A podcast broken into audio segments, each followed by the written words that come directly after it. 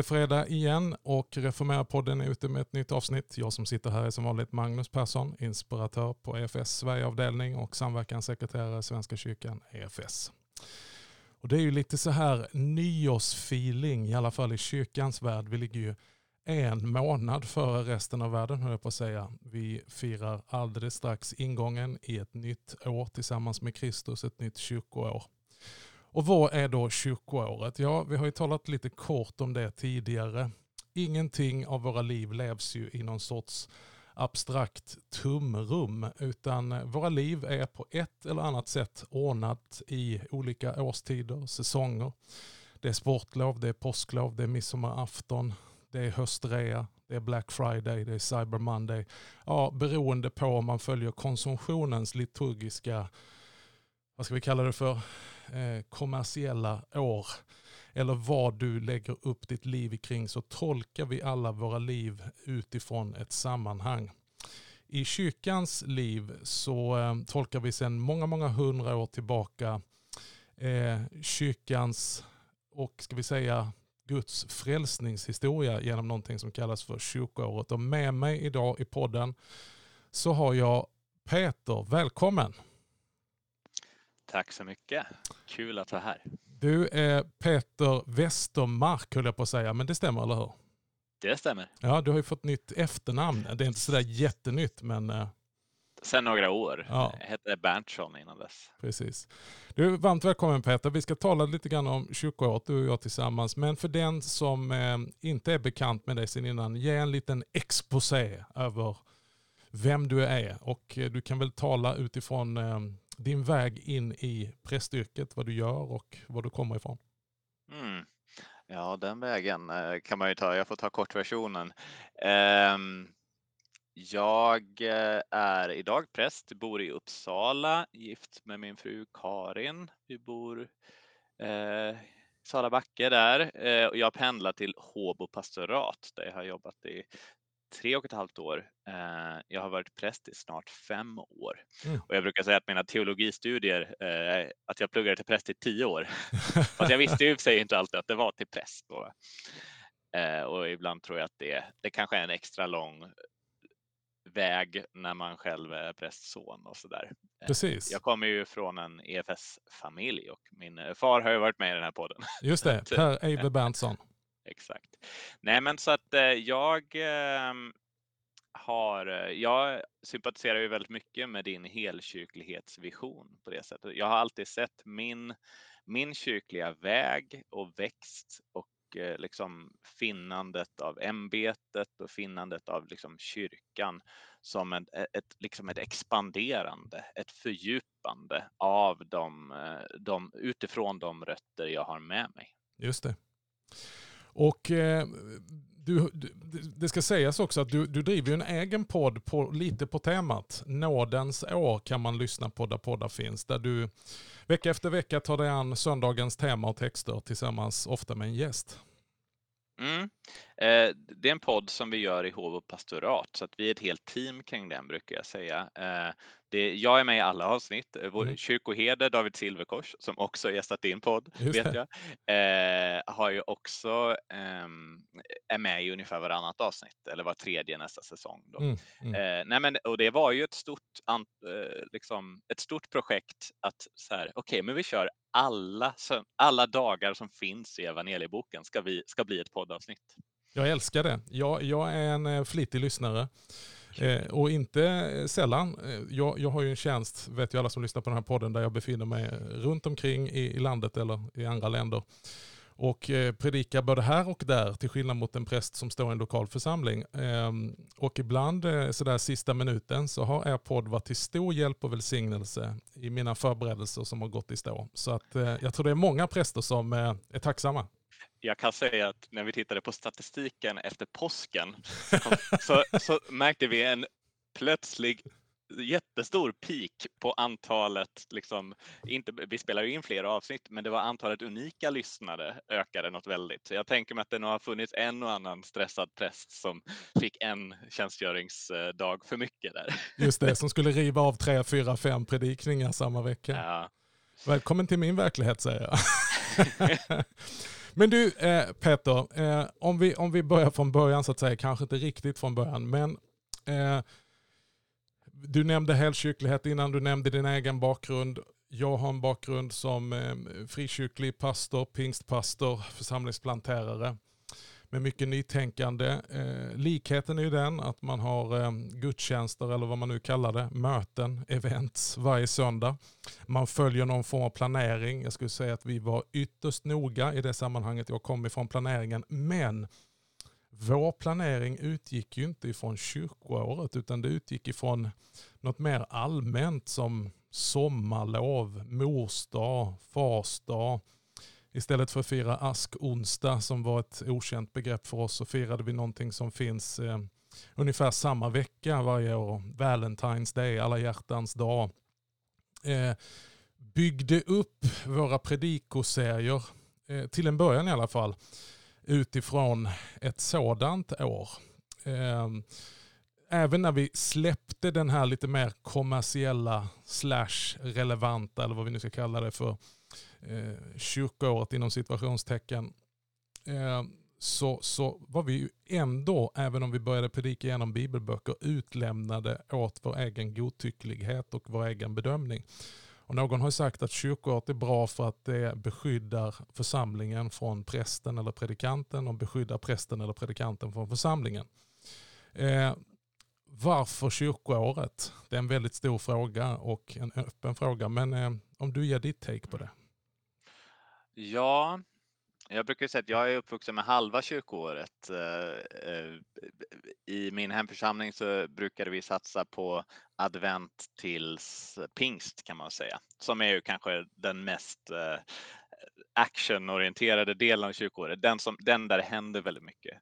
Och, och den, I alla fall den, och den har ju varit helt självklar för mig i alla år.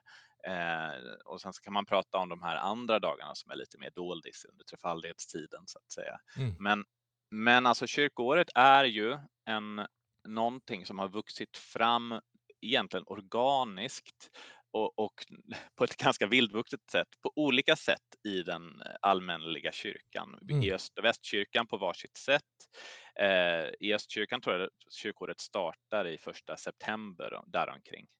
Eh, men, men det, den här tänket att, att, liksom, att strukturera det i grunden kring julen och påsken som de två stora cyklarna och att allting bygger utifrån dem, och utgår från dem, det har ju varit väldigt eh, grundläggande sedan tidigt i kyrkans historia och mm. där evangeliet, eh, alltså evangelieläsningen står i centrum för själva logiken i, i, i året. Ja.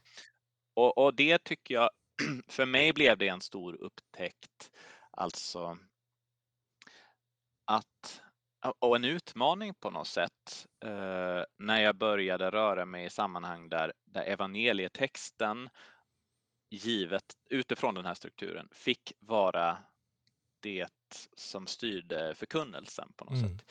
För det är verkligen inte alla gånger som man tänker att just den här evangelietexten är den det jag kanske hade eh, färskast i minnet. Eller i början var det inte så, mm, men, mm. men kyrkoåret tycker jag lär mig att tänka väldigt kristologiskt. Verkligen. Det, det är nog mitt korta svar på varför mm. kyrkoåret.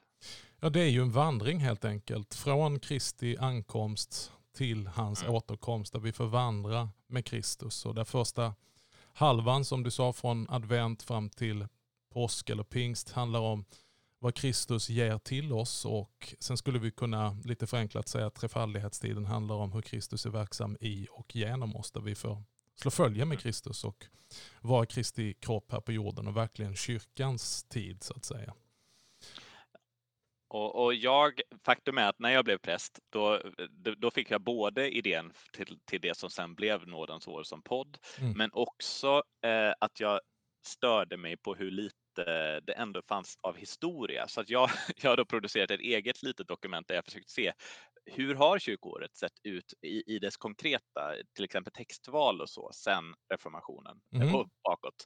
Och där har jag en egen litet privat forskningsdokument eh, som jag har utgått från här och tittat lite på det här. Och man kan ju konstatera där att liksom vissa av texterna i kyrkoåret går i alla fall tillbaka till 800-talet eller Mm. sådär. I, och alltså har funnits sedan Ansgars tid i Sverige. Mm, Eh, mm. Och det tycker jag i sig har någon väldigt, alltså att tänka sig att typ om vi tar eh, liksom eh, t- 13 dag jul eller eh, något sånt, Mm. så, så har liksom både epistel och evangelium i första årgången lästs på denna dag i detta land och runt om i, väst, i Västeuropa och många andra platser i över tusen år.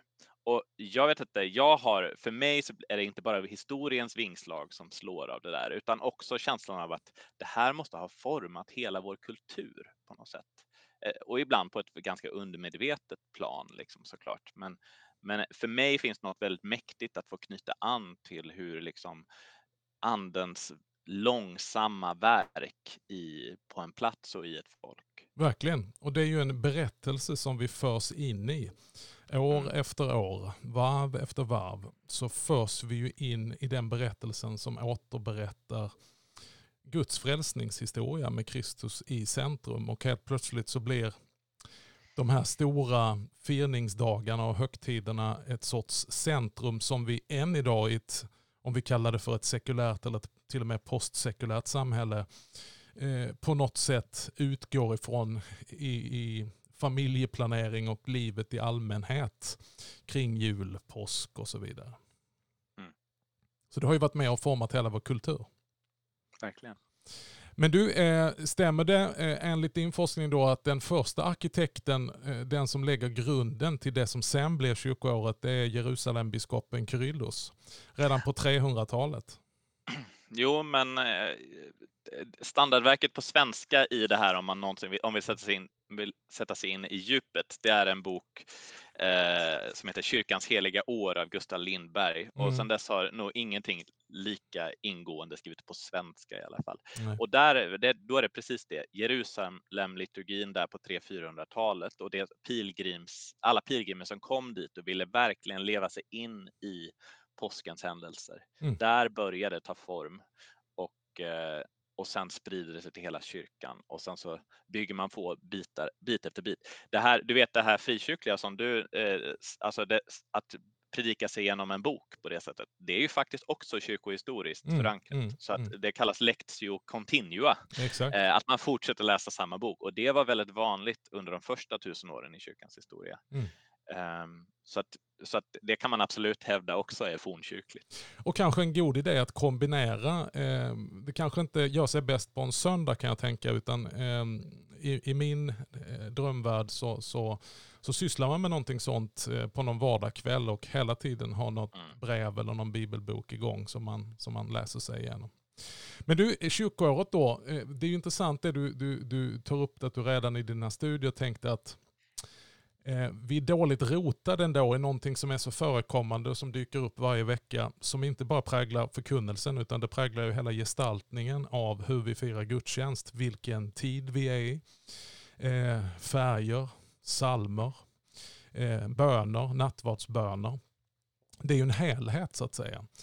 Eh, vi är ju som predikanter vana vid att vara exegeter och förhålla oss till kontexten vi står i utifrån Guds ord, kultur, grammatik, litteratur. Eh, men, men att också tolka texterna utifrån det överbyggande kyrkoåret och vilken del vi befinner oss i. Eh, tycker du utifrån den utsikten du har att vi, vi är lite dåliga på att gestalta den tiden vi är inne i? Hmm, det kanske beror på vilken del av kyrkoåret vi pratar om. Jag menar, det finns ju absolut de som är lite mer vaga för människor här och där. Alltså, Om vi tar ett, alltså, alltså tar vi adventstiden så tror jag att vi är ganska duktiga på att gestalta det i Sverige för att det är en så Mm. älskad tid med så många älskade salmer som är så inkör, alltså där församlingen närmast kräver det av dig Mm, mm, eh, att du sjunger bred en väg eh, och liksom de här sångerna. Medans om, vi tar en dag som eh, Mikaelidagen Mm. som är den stora änglarnas, ängl, änglarnas festdag i, där, vi- där vi verkligen får på något sätt lyfta fram den himmelska dimensionen eh, extra tydligt i, i att änglarna deltar i vårt mässfirande, i, i vår gudstjänst. Eh, det, och vilket jag ofta upplever liksom att det finns en enorm hunger och intresse för, även i, bland det ganska icke-kyrkliga. Där tänker jag ibland att ska vi göra det till en barngudstjänst, mm. vilket är väldigt vanligt på mm. många håll i Svenska kyrkan? Eller är det ett tillfälle att prata och lyfta fram och tala allvar eh, eh, med glädje och mycket ljus, men liksom tala till vuxna också om det. att det här inte bara är någonting sött och gulligt. Det, mm. det, är en tanke jag har haft bland andra. Mm. Och en annan sån här tid som kan väl vara en mellantid är Epifania, det vill säga alltså 13 dagar och mm. framåt. Mm som blir lite en, en sån här samlingshit innan vi kommer in i fastan. Fastan eh, blir ju de flesta sammanhang jag besökt, besökt och fått glädjen att känna är ganska ändå tydligt markerad. Det markeras så tydligt också i gudstjänstlivet att vi tar bort olika saker som vi är vana vid att ha för att markera att kyriet är det framstående och gloriat försvinner och de som går in i, när, vi, när vi börjar närma oss slutet då, då, då täcks olika ikoner och altarskåp för. Och, ja, men det blir liksom en tydlig gestaltning. Men varför tror du att Epifania, eh, har du någon historisk liksom, eh, perspektiv på det? Ja, alltså Svenska kyrkans kyrkor är bland de mest konservativa i hela världen. Mm. Eh, det är möjligen ortodoxerna som slår oss, ska mm. sägas. Men i västkyrkan så har både anglikaner och lutheraner i andra delar av världen och katolska kyrkan eh, bytt kyrkoårsstruktur nästan helt mm. på vissa punkter. Så till exempel just det vi kallar 13 dags tid. Mm. Det är en rest från medeltiden, mm. alltså där Epifania börjar en ny tid. Eh, där traditionellt, om du tittar på texterna med bröllopet i Kana och du har eh, kvinnan vid Sykars brunn, men eh, du har Jesu dop mm. lyfts fram. Många sådana här, där man kan säga att det sammanhållande temat är Kristi uppenbarelse som, som sann Gud och sann människa, eh, framförallt sann Gud kanske. Mm. Det temat lyfts fram på ett särskilt sätt, ett kristologiskt tema. Och det har egentligen försvunnit i till exempel katolska kyrkan när de skaffade tre årgångar. Mm. Våra tre årgångar har kvar den medeltida i årgång ett och har egentligen strukturerat hela det andra också. Men i katolska kyrkan så har man övergått till någon slags eh, bibelläsningsplan där. Mm. så det, de kallar det under, söndagar under året. Precis. Allt grönt i katolska kyrkan är bara så här, nu följer vi den här bibelläsningsplanen. Ja. Eh, Medan de andra delarna då följer en mer så här traditionell kristologisk struktur. Så det är ganska intressant här där vi kan tro att katolska kyrkan alltid är mer konservativ än oss, men mm, svenska kyrkan mm. är här oerhört konservativ. Och, och, och, just i den här tiden så finns det en enorm rikedom eh, att, att både gestalta och förkunna. Eh, en av mina favoritsöndagar att förkunna är Kyndelsmäss.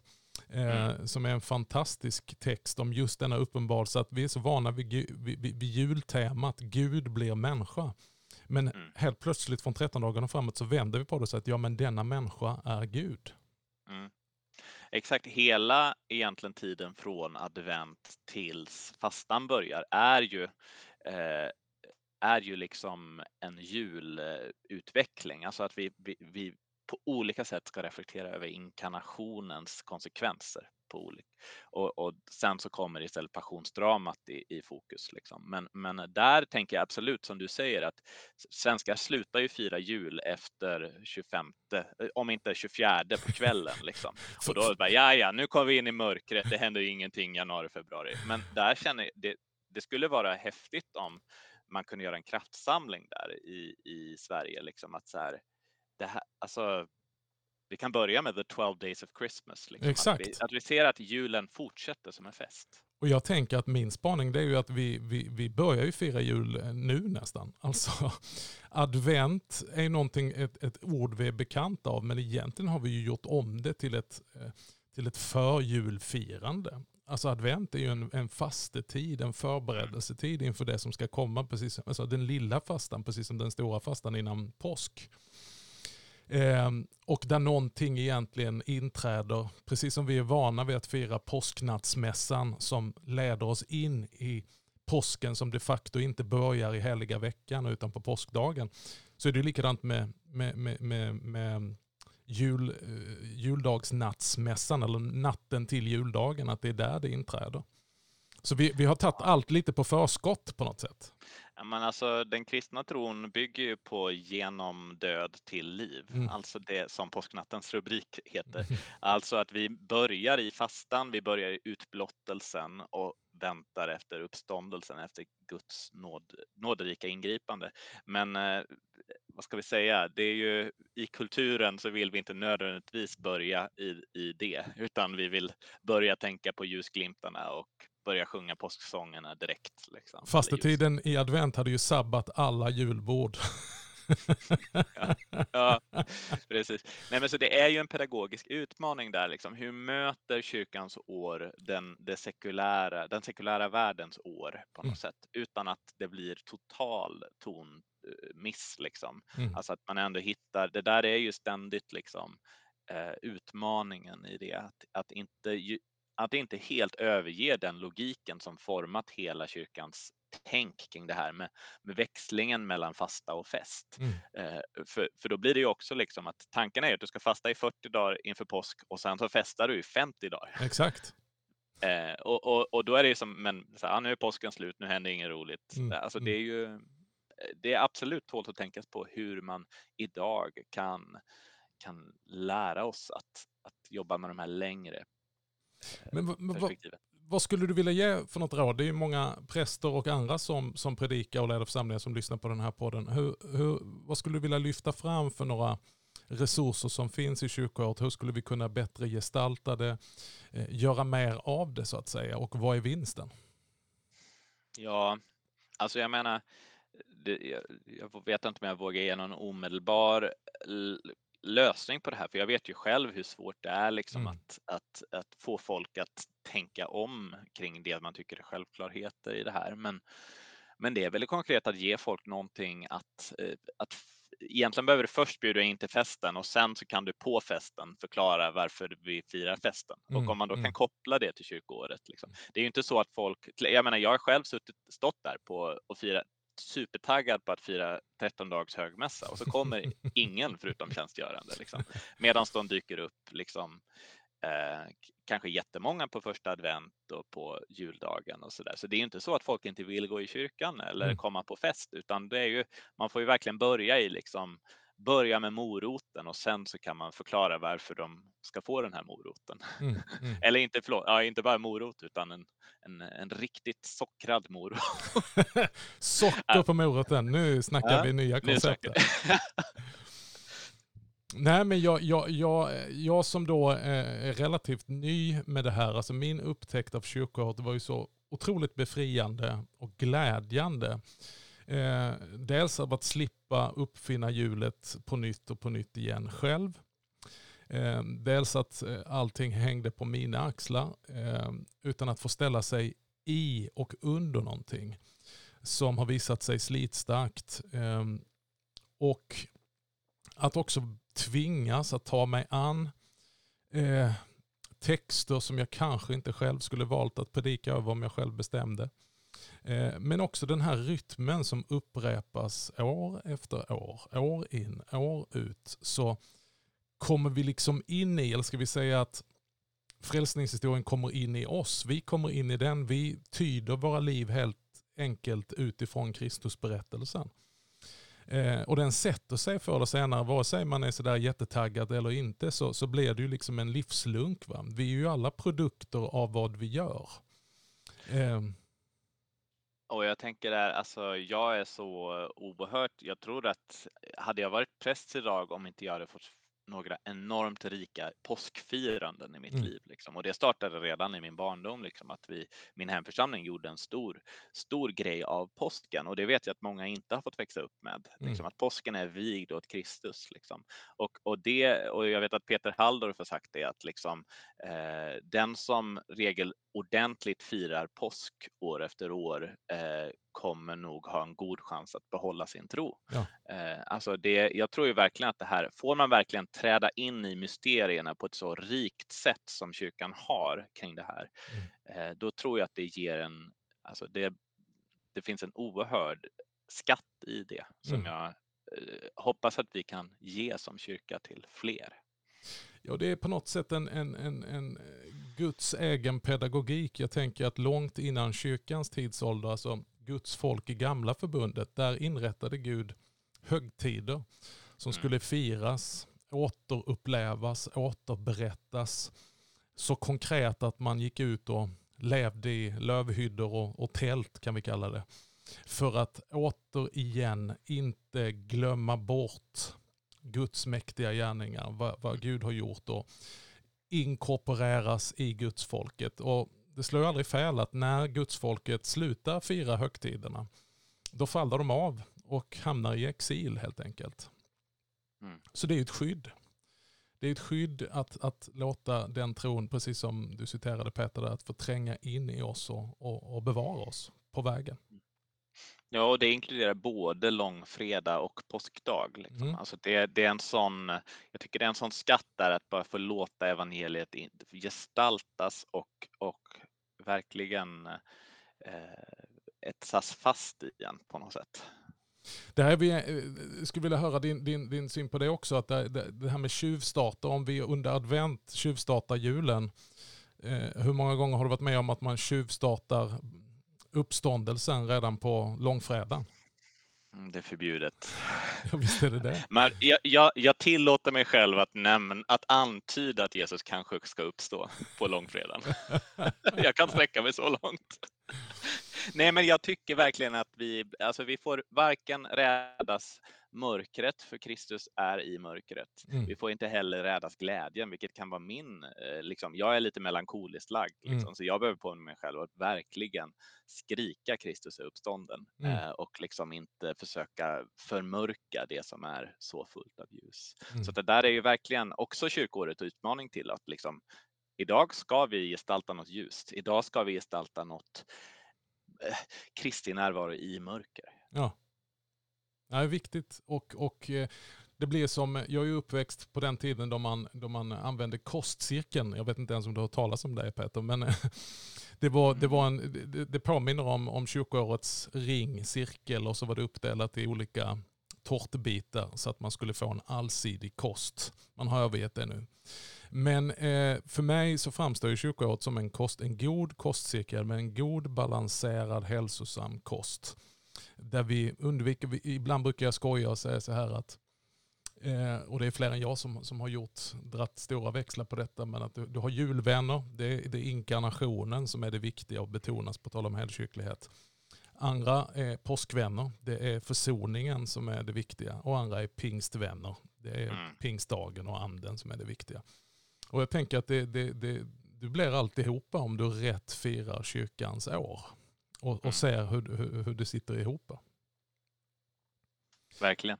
Men du, då kommer vi till, till eh, två stycken grejer jag skulle vilja ta upp med dig. Då, då har du alltså påsktiden. Den är ju förknippad av den icke insatta eh, och kanske av rent slarv så talar vi om, eh, för att vi är vana vid att det är påsklov under den stora veckan eller heliga veckan eller stilla veckan. Och så missar vi att påsktiden inträder i och med påsknattens mässa. Och mm. vara, precis som du säger, i 50 dagar framåt. Eh, hur gör man någonting av påsktiden? Så att vi liksom inte har förtatt allt det, spilt krutet innan vi ens har börjat. Oj, bra fråga. Eh,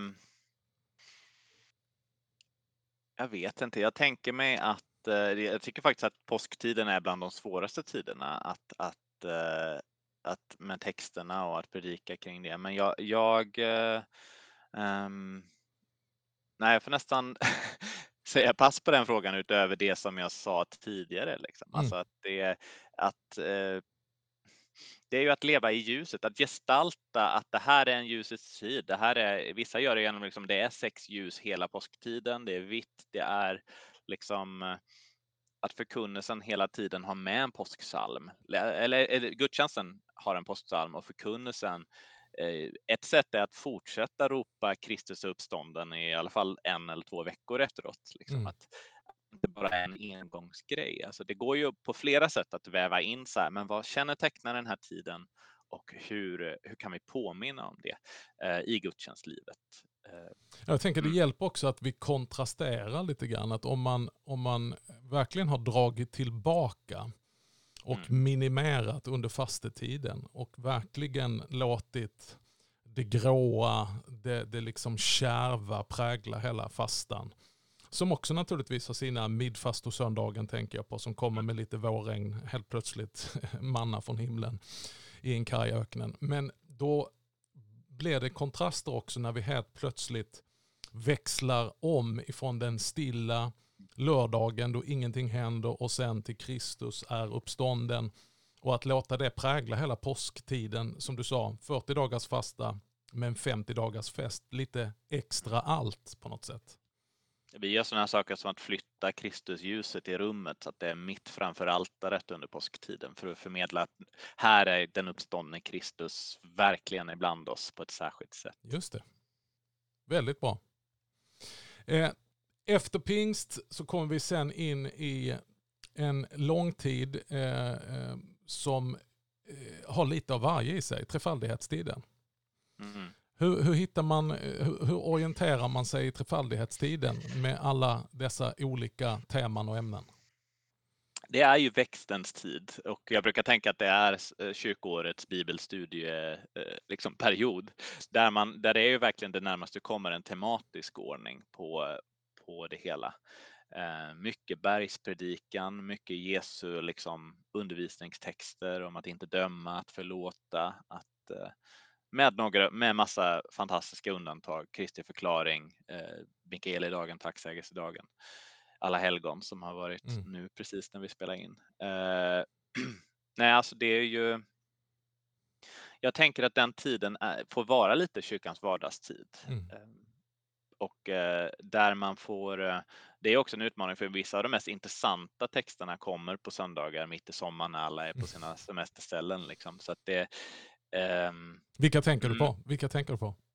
Nej, men, men liksom eh, att predika om, jag vet inte, andlig klarsyn mm. till exempel eh, mitt i, på en musik i sommarkväll eller vad det nu är som, som kan vara runt om i Svenska kyrkan. Eh, jag bara tänker att det är ibland ingen lätt uppgift för predikanten att ta den här väldigt, ibland kanske ganska kärva undervisningen om mm. omvändelse eller andlig klarsyn. Och, eh, och så ska man plötsligt prata om ja, att ta sitt kors och följa Jesus eh, till de här eh, glada sommargästerna. Mm. Nej, alltså det, det kan vara det liksom, men jag, det, det är mycket bra även i det, den delen av kyrkoåret. Mm. Ibland mm. kan man bara behöva tänka på ja, när man lägger, man kanske får tänka in kyrkårets söndagar lite i sin planering av eh, sommarens aktiviteter i församlingen. Så kan mm. man också tänka. Nej, men det är det. Jag, jag, jag, jag när ju någon sån här naiv vision att vi borde göra mer av kyrkoåret. Eh, för det är en sån konkret beståndsdel som ingen kommer undan. Eh, kanske undervisa mer om kyrkoåret inför de olika delarna i kyrkoåret innan vi kommer in i det. Mm. Eh, att bjuda en möjlighet och säga att ja, men eh, inför varje ny del i kyrkoåret bjuda in till en tisdag kväll eller en torsdag kväll och säga att okej, okay, nu gör vi en överflygning av det här liksom och visar hur det, hur det, vad det har för betydelse, vad det vill ha sagt, vad det, hur det gestaltas. Mina, mina inledningsord i nästan alla mässor så säger jag någonting om var vi är i kyrkoåret, mm. även om det bara är på 15 sekunder. Väldigt bra. Det är en liten sån här, eh, var är vi och var är vi på väg? Du, eh, lite frågor som jag har ställt andra när vi har talat om detta inför ett nytt kyrkoår. Har du, eh, har du någon söndag, någon text som du bara säger att eh, det, det är inte, för att säga det snällt, det är inte min favorit. Om jag slipper predika den söndagen så jag, slipper jag gärna. Hmm. Alltså det finns nog vissa, de jag tyckte var svårast att göra poddavsnitt, det är vissa, när man, alltså om jag ska då jag tycker det, när man har varit, jag älskar Johannes evangeliet och eh, Johannes evangeliet präglar ju hela påsktiden och, och i början är jag ofta väldigt nyförälskad och kär, men mot slutet av så här femte söndagen i påsktiden, då kan det vara lite så här det känns som att jag pratade om den här texten nyss. Liksom. Så där någonstans kan, det, kan jag tycka det blir lite träigt om jag ska vara ärlig. Ja. Och då vänder vi på det och säger, vad, vad är de här riktiga bergshöjderna för dig? Förutom då naturligtvis, eh, du får inte säga påskdagen och du får inte, ja men eh, eh, utöver de, de, de stora, stora centrala högtiderna. Ja, men då är det de här doldishögtiderna som jag fick upptäcka lite under min studenttid. Till exempel 13 dag jul och, ehm, och ehm, alla helgons dag och uh, Mikaelidagen. Alltså Mikaelidagen är nog kanske en av mina favorithögtider. Jag får nog säga det för att det är sån, det är fantastiska texter och det handlar så mycket om att Gud är med mitt, alltså att det finns det är långt fler med oss än vad som är emot oss mm. och det är fantastiskt. Och det är inte minst spännande med Mikael i söndagen, eh, som du sa, att det finns en kontaktpunkt där med vår samtida kultur. Hur sekulär den än kan sägas vara så verkar det finnas en väldig öppenhet för en sorts andlig värld, om inte konkret Gud och hans son Jesus Kristus och änglar och andeväsen. Där kan finnas en stor nyfikenhet och kontaktpunkt. E-, efter en högmässa jag hade på Mikaelidagen så var det en, en person där som jag aldrig har sett före eller efter, men som kom på den mässan och berättade tre livsavgörande andliga upplevelser eh, hon hade gjort i sitt liv. Mm. Och helt opåkallat egentligen, förutom tror jag att det var en så andligt laddad söndag på något sätt. Alltså att det uppfattades i luften på något mm. sätt. Och, och, jag bara, och det där har jag burit med mig sedan dess att, och jag har märkt det varje gång jag varit att det, det, öppnar upp någonting som, som vi kan hantera. Antingen kan vi borsta bort och tänka det där är inte tillräckligt renlärigt det folk tänker och känner om det här. Mm. Eller så kan vi finnas där och tala evangelium in i, in i den öppenheten. Mm. Eh, när vi, vi, vi, vi, vi, har ju då tre texter i tre olika årgångar varje söndag. En gammaltestamentlig text, en episteltext och evangelietexten. Eh, utgår du alltid ifrån evangelietexten och hur mycket tar du i anspråk de andra texterna? Nio fall av tio evangelietexten, ja. om inte 95 av 100. Nej men ibland så tror jag att jag upplever att eh, ibland, så, ibland några gånger, som till exempel Kristi him och pingst, då är ju uppenbart episten den mm. egentliga mm. centraltexten.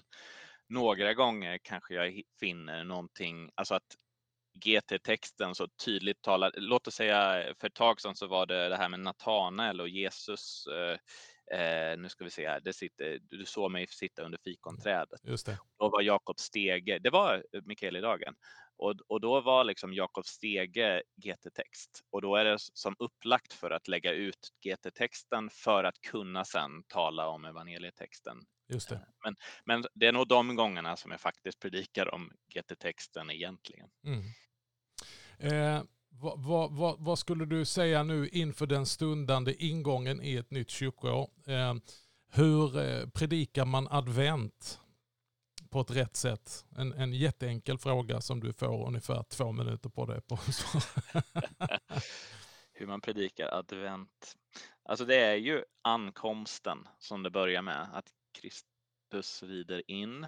Inte som på palmsöndagen i, för att möta sitt kors, utan han rider in sett ur den himmelska blicken, sett ur, ur liksom att han, här rider konungen in och vi kan följa med honom och ropa Hosianna och det här, eh, det, det är mot seger.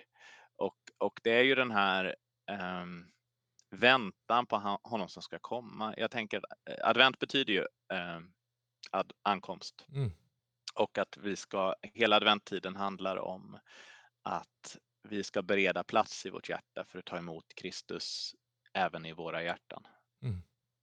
Eh, hur man då gör det? Ja, återhållsamhet tror jag faktiskt måste eh, få prägla lite av de gudstjänsterna också. Det andra, tredje, fjärde advent inbjuder till det.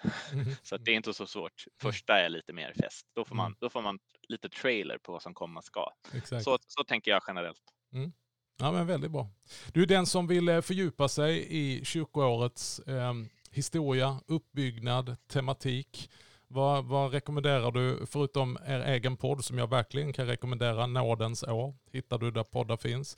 Eh, om man vill ta sig an litteratur? Jag tror att de, den ena är om man är riktigt nördig och vill ha mycket kött på benen, då är det den där jag nämnde, Gustav Lindbergs Lindberg, ja. eh, akademiska eh, tegelsten. Men, Men den, den, är, den är väldigt intressant. Den är ganska tillgänglig skulle jag säga, ändå för att ha några år på nacken och Ja, det får man säga. Alltså, den, det, det går ju att fatta vad han menar, så Ja. är det. Eh, Men eh, Kyrkans heliga år av Gustav Lindberg, den mer tillgängliga och särskilt om man kanske har en mer väckelsekristen eller frikyrklig bakgrund, då är det väl Peter Halldorfs heligt år som jag Mm. tycker är den mest, vad ska vi säga, för att han talar på ett väldigt, han, han talar på det, sitt karaktäristiskt engagerade sätt och verkligen talar om, om teologin på ett annat sätt. Mm, Alltså mm. hur, hur allt det här vä, är vävt i ett stycke och, och talar om Kristus på, på så många sätt. Mm. Eh, så där, han gör det riktigt bra på att bara liksom förklara hur allt hänger samman. Mm. Och även ur ett ekumeniskt perspektiv. Han har tabeller på alla kyrkor i, i nästan alla traditioner. Nej, väldigt bra. Eh, haft stor glädje av, av, av båda böckerna. Eh, och eh, som sagt, eh, det finns någonting av att vila i kyrkans år som eh, har burit och bär vidare och eh, att få bäras av det helt enkelt. Tack ska du ha Peter för att du har varit med och delat eh, och pratat och samtalat omkring det som väntar oss på söndag. Ett nytt nådens år tillsammans med Kristus. Tack! Och som sagt, vill du höra mer av Peter så kan du eh, hitta podden Nådens år som Håbo pastorat står bakom. Som tar sig an varje söndagstext vecka för vecka. En god hjälp för alla oss som förkunnar att tränga in djupare och tänka tillsammans med någon. Även om du kanske sitter ensam och inte har något arbetslag så kan du låna Håbo pastorats arbetslag med inbjudna gäster. Tack ska du ha för att du har lyssnat på Reformera-podden ytterligare en fredag och om Herren vill och vi får leva så är vi tillbaka i dina hörlurar även nästa fredag. Tills dess, Guds rika välsignelse och lite så här på förskott, gott nytt kyrkoår.